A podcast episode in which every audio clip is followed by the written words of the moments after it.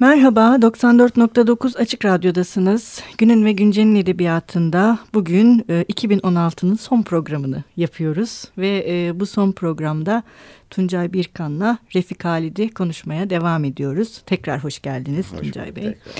Ee, ilk programda e, Tuncay Bey'in e, derlediği, e, pe, e, derlediği pardon Refik Halid'in e, makaleleri ve bu makalelerin e, hatta edebi türler olarak da e, kendi aralarındaki geçirgenliğini e, konuşmuştuk. Ortaya çıkan yeni Refik Halit e, portresini konuşmuştuk. E, bu programda biraz Refik Halit'in edebiyatına e, değinmeye karar verdik. Şimdi beni şey hep çok şaşırtır Refik Halit. Hani dili kullanımı onu konuşuruz ayrıca zaten bambaşka bir şey ama e, bir defa çok kısa zaman dilimleri tercih ediyor. Yani Nil günü falan zaten mecbur kalıyor çok beğenildiği evet, için. Hani o yüzden zaman uzuyor orada da. Çok kısa zaman dilimleri e, kullanmayı tercih eden bir yazar. Bu beni bana mesela hep ilginç gelmiştir. İkincisi de çok ilginç anlatım teknikleri buluyor. Evet. yani o hikayelerinde de var, romanlarında da. Mesela çerçeve hikayeler kurmayı seviyor. Ben onun o anlamda Ahmet Mithat'ın mirasçısı olduğunu düşünüyorum. Öyle mi? Ne söylemek gerekirse.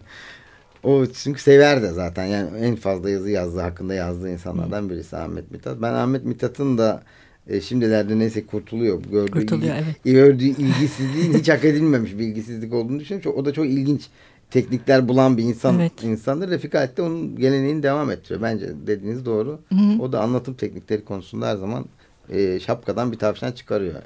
Bir de şey de ilginç. E, yine bugün de mesela karşılaştırdığımızda e, bu zaman meselesinde benim ilgimi çeken şey var. Mesela bugün yazarlar daha çok anlara odaklanmayı seviyorlar. Hani belirli bir an falan. Hı. Fakat yani Refik Halit ve kuşağında ki Tanpınar'da, Naysır'ı da önce öyle bence. E, bu kısa zaman dilimlerinde anlara odaklanmıyorlar. Hani o zamanın bir bütünlüğü var evet. kendi içerisinde. Şimdi daha çok fotoğrafçı gibi Evet şeyler. çok doğru söylediğiniz şey. Evet ama onların böyle bir manzara yaratmak. Hani böyle bir evet. tablo. Hani o tablo kelimesini de seviyorlar zaten hepsi. Evet tablo. onu çok kullanıyorlar. Levha, evet, evet, levha, levha, evet. levha değil onu, mi? Onu çok kullanıyorlar. Yani da böyle e, bir fotoğrafçının yaptığı gibi an yakalamaktan çok bir ressamın yaptığı gibi e, koca bir e, manzarayı oluşturmaya çalışıyorlar. Ve bunun için e, zaman harcamayı da göze alıyorlar bence. Onun sonucu da her zaman bence daha tatminkar oluyor söylemesi ayıptır. şimdiki, şimdiki, edebiyatçılara duyurulmuş. Sözün meclisten içeri diyorsunuz içeri, yani. Evet. Dışarı değil. Ee, şimdi biraz bu ıı, şey de ilginç. Ee, özellikle işte İstanbul'a döndükten sonra ilk programda da konuşmuştuk. Popüler romanlar yazan bir yazarcı, yazar e, muamelesi görüyor e, diye. Fakat o yazdığı eserlerde de e, hem şey var o sizin söylediğiniz şey çok önemli. Hani bir ressam gibi evet, bir panorama vermek. Bir de böyle büyük anlatılar yani evet. eski antik çağlar işte Side ne bileyim işte e, böyle hikayelerin içinde e, yani kısa zamanlarda büyük anlatılar anlatmayı evet. tercih ediyor. 2000 yıl anlatıyor. Ha, 2000, 2000 yılın sevgilisi. Evet 2000 yılın sevgilisi. Evet mesela e, bu büyük anlatıları e, kurmasında hani bir nevi bir ütopya ya da var olan bir şeyi başka bir şekilde kurgulamak. Hani o ilk bahsettiğimiz 1940'larda evet bunlar Kemalistler ama hani e, var olan e, koşullar sebebiyle kendi e, işte politikalarını gündelik hayat içerisinden başka bir şekilde anlatmayı e, deniyorlar hikayesini 1950'lerden sonra. E, çünkü bir büyük anlatı seven biri değil aslında yani evet. Refik Halit. Bu 1950'den sonra hani bu çerçeve içinde çerçeve yani aslında tek şey anlatmaktan hoşlanan bir adamken 1950'lerden sonra bu daha büyük ve çok şey anlatmaya başlayan bir yazara dönüşüyor ama hala zaman kısa. Ee, mesela siz onu nasıl değerlendiriyorsunuz? Bu 1950'lerde ne bileyim buna bir ütopya mı denilebilir ya da hani bir özlem mi? Nedir yani? Bu bana da bilmiyorum. Mesela aklıma geldi. birkaç şekilde değerlendirilebilir herhalde bu popüler romanları. Bir 1930'larda yazdığı iki tane e, romanı var. Çete ve Yezid'in kızı. E, onlarda daha çok e, rejime özür beyanını hı hı. E, roman üzerinden yap, yaptığı söylenebilir. Hı hı. Yezid'in kızı o anlamda çok enteresandır. Benim yazdığım, hı hı. yazmakta olduğum kitabın bir kısmında hı hı. doğrudan doğru bir romanla bir rejimden nasıl özür dilenirin çok ilginç bir örneğidir. Hı hı. E, şu, o da popüler kaygılarla da yazılmıştır ama muazzam sayfalar vardır. Evet. Her zaman Refik Halid'in romancılığı için söylenebilecek şey budur. Hiçbir zaman insanı çok tatmin e, olmuş bir biçimde bırakmaz. Hı hı. Fazla bazen okura e, taviz verdiğini düşünürsünüz falan. Ama her zaman da tatminkar e, sayfalar sunar. Uzun uzun bazen karakter tahlilleri olur. Bazen bazen değil her zaman ama doğa evet. tasvirleri olur. Ee, bazen çok ilginç insanlık hallerini yakalaması olur. Hı hı. Bun, bun, bunlar o romanlarda da vardı. 1940'larda biraz daha ciddi, e, daha iddialı olduğu romanlar. E, sürgün evet. ve bu anahtar ve bu bizim hayatımız. Hı. Onlar bence de zaten en başarılı üç roman. Evet doğrusunu, kendisi de öyle diyor zaten do, do, Doğrusunu söylemek gerekirse. Onlarda daha ciddi bir e, daha iddialıdır da zaten kendisi. Hı hı. Onları e, şey niyetiyle yazmıştır. Bir tür geleceğe bunlar kalacak diye yazmıştır. Ama bu bizim hayatımızdan sonraki o da Hürriyet Gazetesi'nde ilk tefrika edilen romanlardan biridir. E, Nilgün'le birlikte daha başka bir çizgiye atlar. Hı hı. Orada tam anlamıyla popüler romancı hı hı. kimliğini benimsediği söylenebilir. Ve o romanlarda da e, sizin dedi, dediğiniz türden her zaman yine il, ilginç şeyler yapmayı başarmıştır aslında. Mesela bu popüler işte edebiyata kaymaları 1950'lerden sonra yazarların e, ki bu popüler kavramı da tabii ayrıca tartışmaya açık bir şey. Aslında ee, roman zaten popüler bir tür. Evet evet yani, yani tam da bu yüzden hani evet, tartışmaya açık bir şey. Kökeni itibariyle popüler, evet, popüler bir tür. Ve e, yazarların bu anlatma çabalarının e, kendisi e, şeye dönüşüyor. Hani okur önemli bir şey haline geliyor anladığım kadarıyla evet. 1950'lerde. Evet. Bu tefrikalar, şeyler, büyük gazeteler, gazetelerin satışları bayağı yüksek.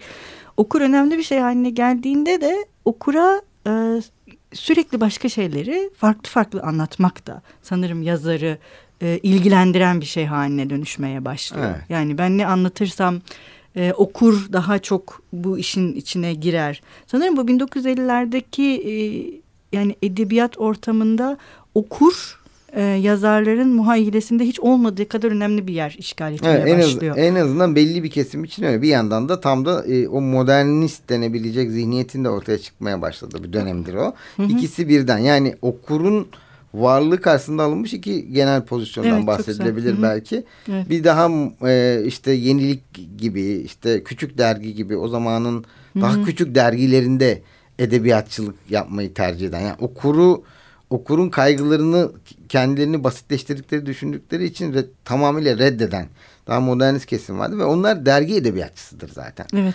Ee, bir de gazete edebiyatçıları var. evet, çok güzel. Yani onun devamını e, sürdürenlerden biridir. E, o, o gelenekten 1950'lerde onlar da okurların kaygılarını Hı hı. E, bence öncelikle e, anlatmaya çalışmışlardır. Peyami Safa'nın Server Bedi adıyla yazdığı 30'lardan itibaren hı. yazdığı yazılarda hep asıl sorun özgürleşen kadınla ne yapacağız? Evet bu çok önemli. En büyük sorun özgürleşen kadın bizi tercih etmezse, bize numara çevirirse, bizi bir sever gibi yapıp da bir sevmezse falan ya. biz şimdi ne yapacağız? En çok işlediği tema da şeyin e, mesela Refik Hadim bütün romanlarında bir kadının bir erkek karakteri sevip sevmediğine bir türlü karar veremeyiz. Evet. Yani bunu çok kullanır. Değişik çeşitlemeler yapar. Yani bir sever gibidir olumlu yorumlar sürekli şey. Bir, bir noktadan sonra aslında onlar bağımsızlığın işaretleridir. Yani kendisinin denetleyemediği bir kadının bir tür hep taming of the shrew şey yani bir hırçın kız vardır. Onlar aslında eninde sonunda da verilmiş bir ödün olarak E, bu okur beğenisine hemen hepsi de tame olurlar yani ehlileşirler. Evet, ehlileşirler. Yani bu, bu tür romanların sonunda ve insanları şu anda modern zevkleri olan insan okurlar olarak baktığımızda Refik Halit romanlarında özellikle kadınlardan duyuyorum bunu. Rahatsız eden şeylerden bir tanesi budur. Ama o zamanın şeyidir ve daha çok e, insanlara bir tür rol modeli de sunmaya çalışır. Yani kadınlar da çok okur Refika etti zaten. Yani Hı -hı. sadece erkekler değil. Hı -hı. Onlara da aslında oradan bir şey de sun, sunmaktadır aynı zamanda. Bir de öyle bakma, bakıldığı zaman o kadar da hani çok aşırı tutucu denemeyecek Hı -hı. şeyleri vardır. Özgürlükler tanır yani e, şeylerini. Kadın, ka, kadın karakterlerini. Evet, e, bugün de bir ara vereceğiz. Programın ikinci bölümüne geçmeden önce Bugün sizden bir şey çalalım. Sizin istediğiniz bir şey. Tamam. Ne çalalım, ne istersiniz? Yani Refik Halid'in ruhunu iyi anlattığını düşündüğüm bir e, ismi var şarkının. O yüzden o, o olsun istiyorum. Two Shots of Happy, One Shot of Sad. Frank Sinatra ile Bono'nun düeti. Peki.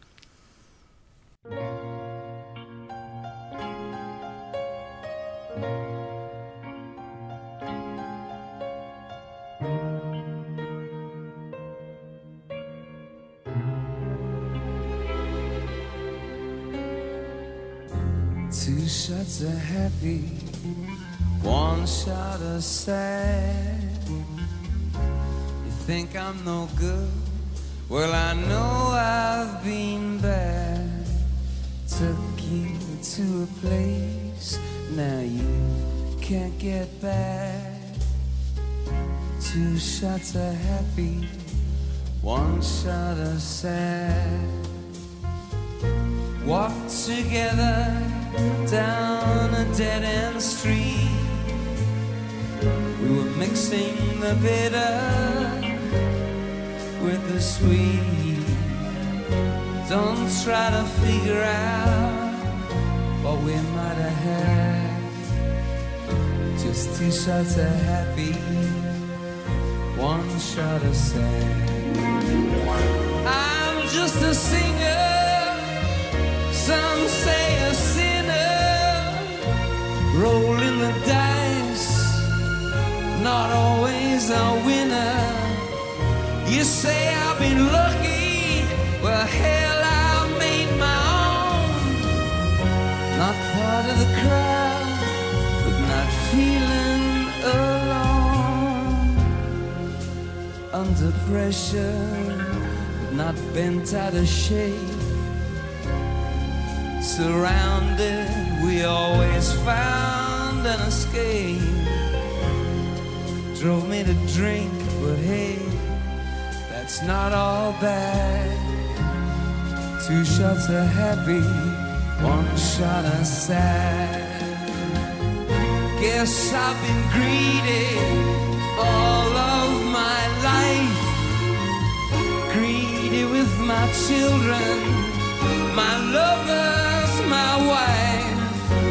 Greedy for the good things as well as the bad.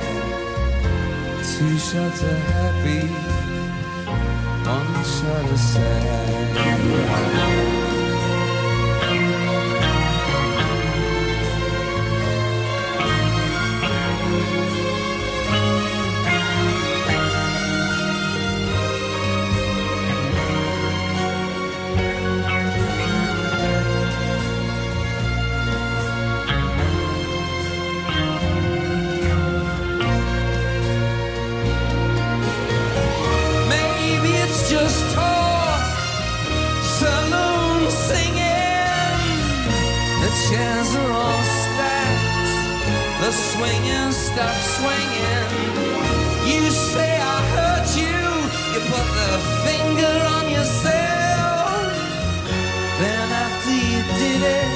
You came crying for my help.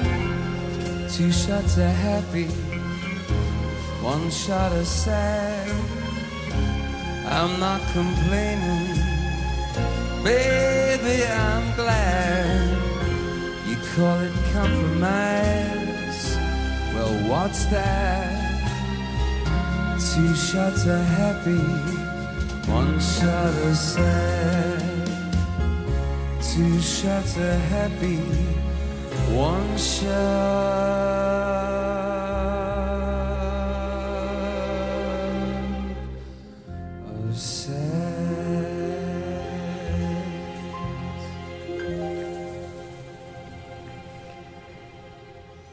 Merhaba, 94.9 Açık Radyo'dasınız. Günün ve Güncel'in edebiyatında Tuncay Birkan'la Refik Halidi konuşmaya devam ediyoruz. Ee, şimdi zaten hani anlatma, dil meselesini ilk programdan beri konuşuyoruz.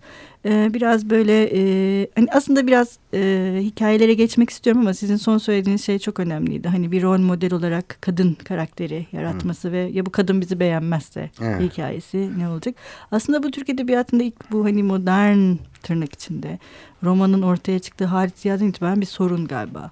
Bu arzuları olan kadın Evet. böyle bir hani bir dakika. Evet. Özgürleşen kadın. Özgürleşen kadın evet bir dakika hani burada bir duralım burada ne oluyor hikayesi. Bu erkek yazarları hep rahatsız ediyor. kadınları da ediyor aslında. Evet. Halde edip ederken gerçi Nezihe Muhittin'i etmez. Mesela Suat Derviş'i de pek etmez bu Tabii hikaye. doğal, olarak. Onlar biraz daha farklı duruyorlar. Bu önemli. Bir de mesela yatık emine bu açıdan mesela hikayelerine geçerken orada ortaya koyduğu kadın figürü hem yani bizim edebiyatımız için unutulmaz bir figür Kesinlikle bence öyle. yatık emine.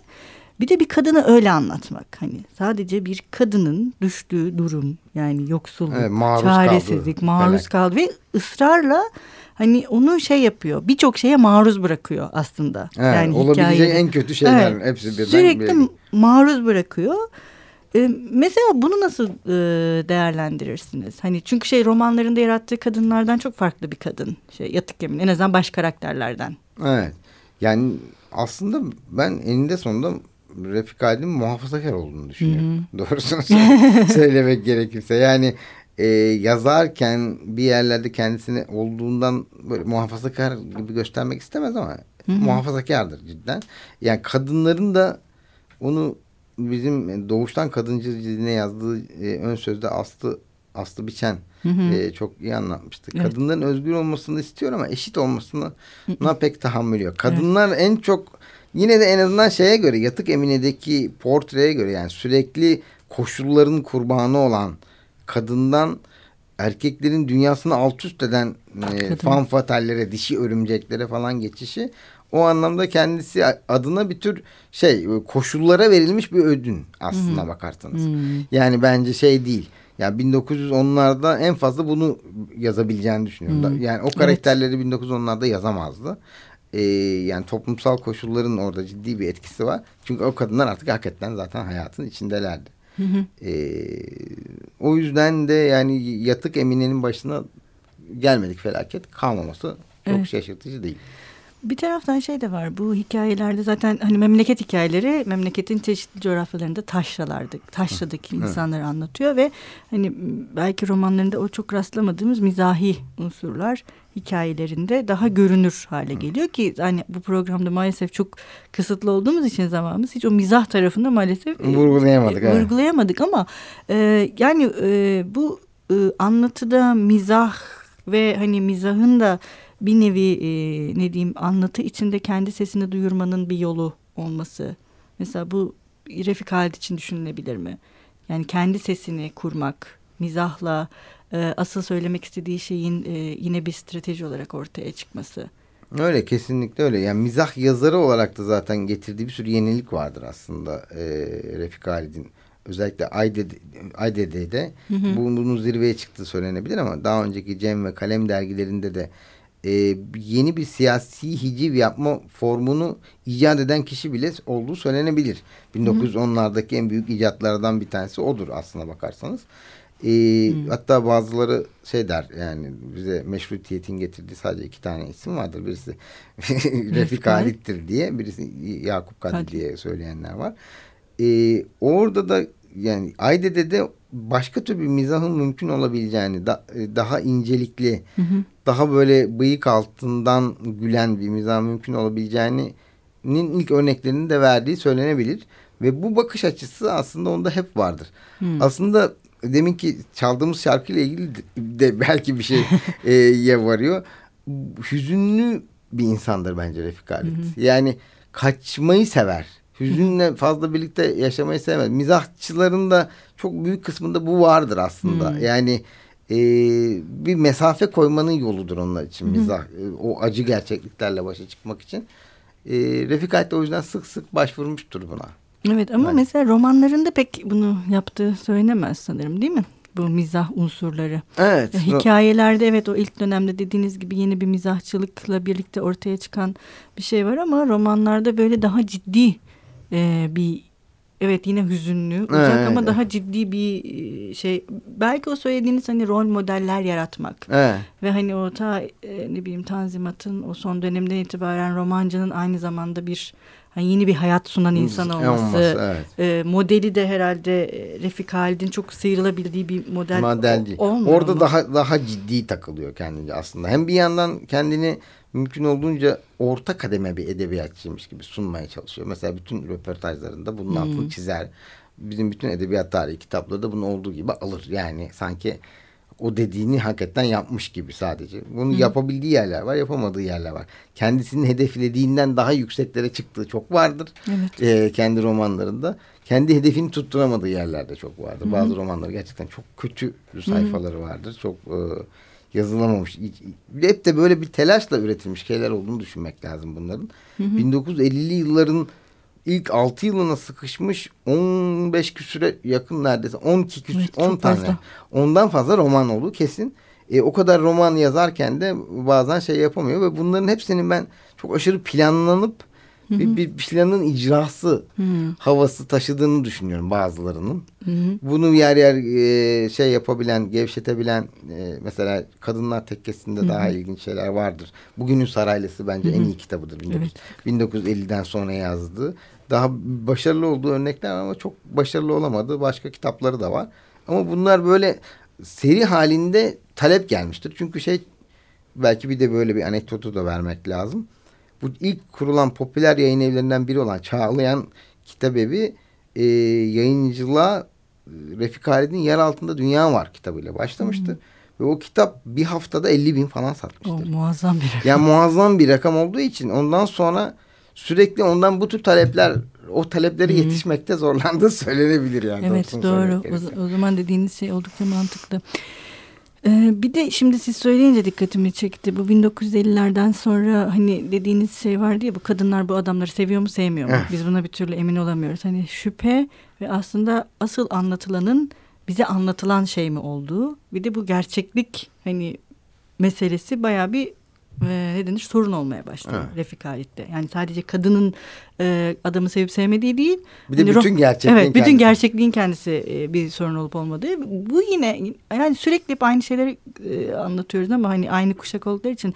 Yani Nahit Sarı'da, Peyami Safa'da onlar da Tanpınar'da mesela onlarda evet. da benzer bir ruh hali ortaya çıkıyor. Evet, meğerse bir rüyaymış. Evet meğerse her şey bir rüyaymış. bir rüyaymış.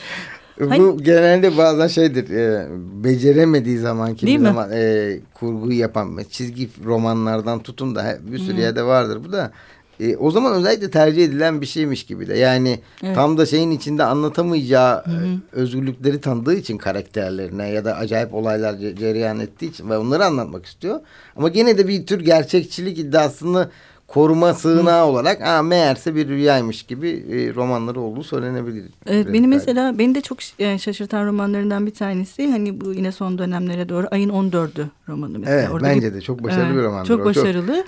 ve neredeyse hani bence bir polisiye yani evet. o. Çok muamma da oldukça başarılı bir şekilde hani tesadüf yok. Hiç tesadüflere neredeyse yer vermiyor. Yer, evet. Her şeyi böyle bir şüphe içerisinde anlatmaya devam ediyor ve e, hani hep şeydir ya polisiyelerde işaret eder suçlu bu evet, şaşırtır okuru. Evet. Onları da çok beni çok şaşırtan kitaplarından birisi olmuştu ve e, hiç mesela polisiye tarihinde de yoktur Refik Halit. Hiç adı bile geçmez. Evet, yani geçmez. Geçmez. Bir de o kitaplarla ilgili başka bir sorun belki. Öyle mi? On, o ayın 14'ü gibi kitapları 1980'lerde yayınlanmış Hı. kitapları tefrikalardan farklıdır. Hmm, öyle mi? Tefrikalardaki dili yine oğlu tarafından muhtemelen Ender hmm. Karay tarafından sadeleştirilerek o zaman verilmişti ve hala onlar basılmakta. Hmm. Yani o tefrikaların bulunup ben bazılarını buldum ama hepsini bulamadım. Ayın 14'ünü bulmuştum. Hmm. Ee, ayın 14'ünün mesela yeni baştan onun tam diliyle evet. tam diliyle yayınlanması falan gerekir. Kesin. Ki hakikaten de dediğiniz gibi o, o bence en enteresan, Çok başarılı enteresan. kitaplarından biridir. Yani yapmak istediği şeyi yapabildiği kitaplarından. Evet, evet, tam da sizin söylediğiniz şey hani bir şeye kaçmak yerine hani oturmuş ve ya hani tabii şeyi bilemiyoruz. Sizin dediğiniz gibi tutturmuş mu artık arada onu o kadar yazı tecrübesinden sonra e, yoksa şey değil e, diye. E, Tuncay Bey maalesef e, süremiz, tabii Refik, yani. süremiz bitti. Yani Refik Halit'le e, ilgili konuşacak e, İlgi çok şeyimiz. Evet yani, yani ama sayenizde e, yani ben gerçekten çok büyük bir hayranlık duyuyorum yaptığınız işe. Yani Refik Halid'i e, çok şanslı size rastladığı için. Bu maalesef birçok yazara nasip olmuyor evet, evet, böyle bir şey ve e, o yazıları okumak hepimiz için e, yani bütün hem edebiyat severler için e, hem de Refik Ali tekrar hatırlamak başka yönlerini e, öğrenmek için çok önemli. O yüzden biz okurlar olarak da size çok teşekkür ederiz. Ben ee, teşekkür ederim. Ve programımıza geldiğiniz için de çok teşekkür ederiz. Ee, Ve umarız e, kitabınızı yazdıktan sonra sizi burada tekrar ağırlarız. Çok isteriz. İnşallah. Hoşçakalın. Görüşmek üzere.